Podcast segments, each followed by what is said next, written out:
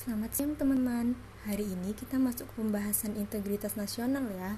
Jadi, integritas nasional adalah menyatukan berbagai kelompok sosial budaya ke dalam satu identitas nasional.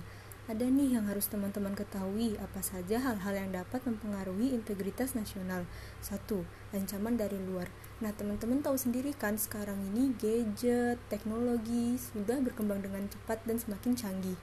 Nah, hal ini menyebabkan budaya dari luar dapat dengan mudah masuk dan diserap oleh masyarakat, sehingga dapat mengancam integritas nasional. Jadi, kalau ada budaya dari luar yang masuk, teman-teman saring dulu ya dan ambil sisi positifnya saja. Yang kedua, gaya politik pemimpinan.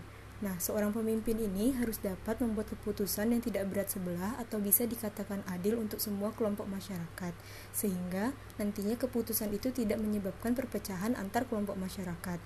Ketiga, kekuatan lembaga-lembaga politik.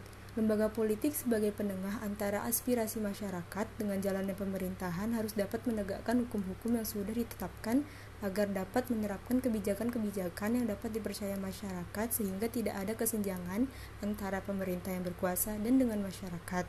Yang keempat, ideologi nasional. Pancasila sebagai ideologi nasional telah mencakup hal-hal yang harus masyarakat pegang dan jalani, sehingga semua perbedaan dapat menjadi satu dan akan terciptalah persatuan. Yang kelima, kesempatan membangun ekonomi. Ekonomi juga termasuk dalam pilar penting dalam integritas nasional. Jika ekonomi Indonesia tidak baik, maka segala pembangunan akan terlambat dan menyebabkan kepercayaan masyarakat terhadap pemerintah menurun. Hal ini bisa menyebabkan terjadinya unjuk rasa masyarakat terhadap kebijakan pemerintah. Dan yang lebih ironisnya lagi, unjuk rasa tersebut dapat menyebabkan perang antara pemerintah dan masyarakat sehingga dapat menyebabkan perpecahan.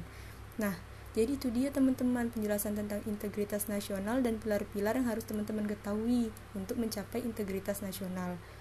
Nah, sekian ya penjelasan dari saya. Selamat siang, terima kasih.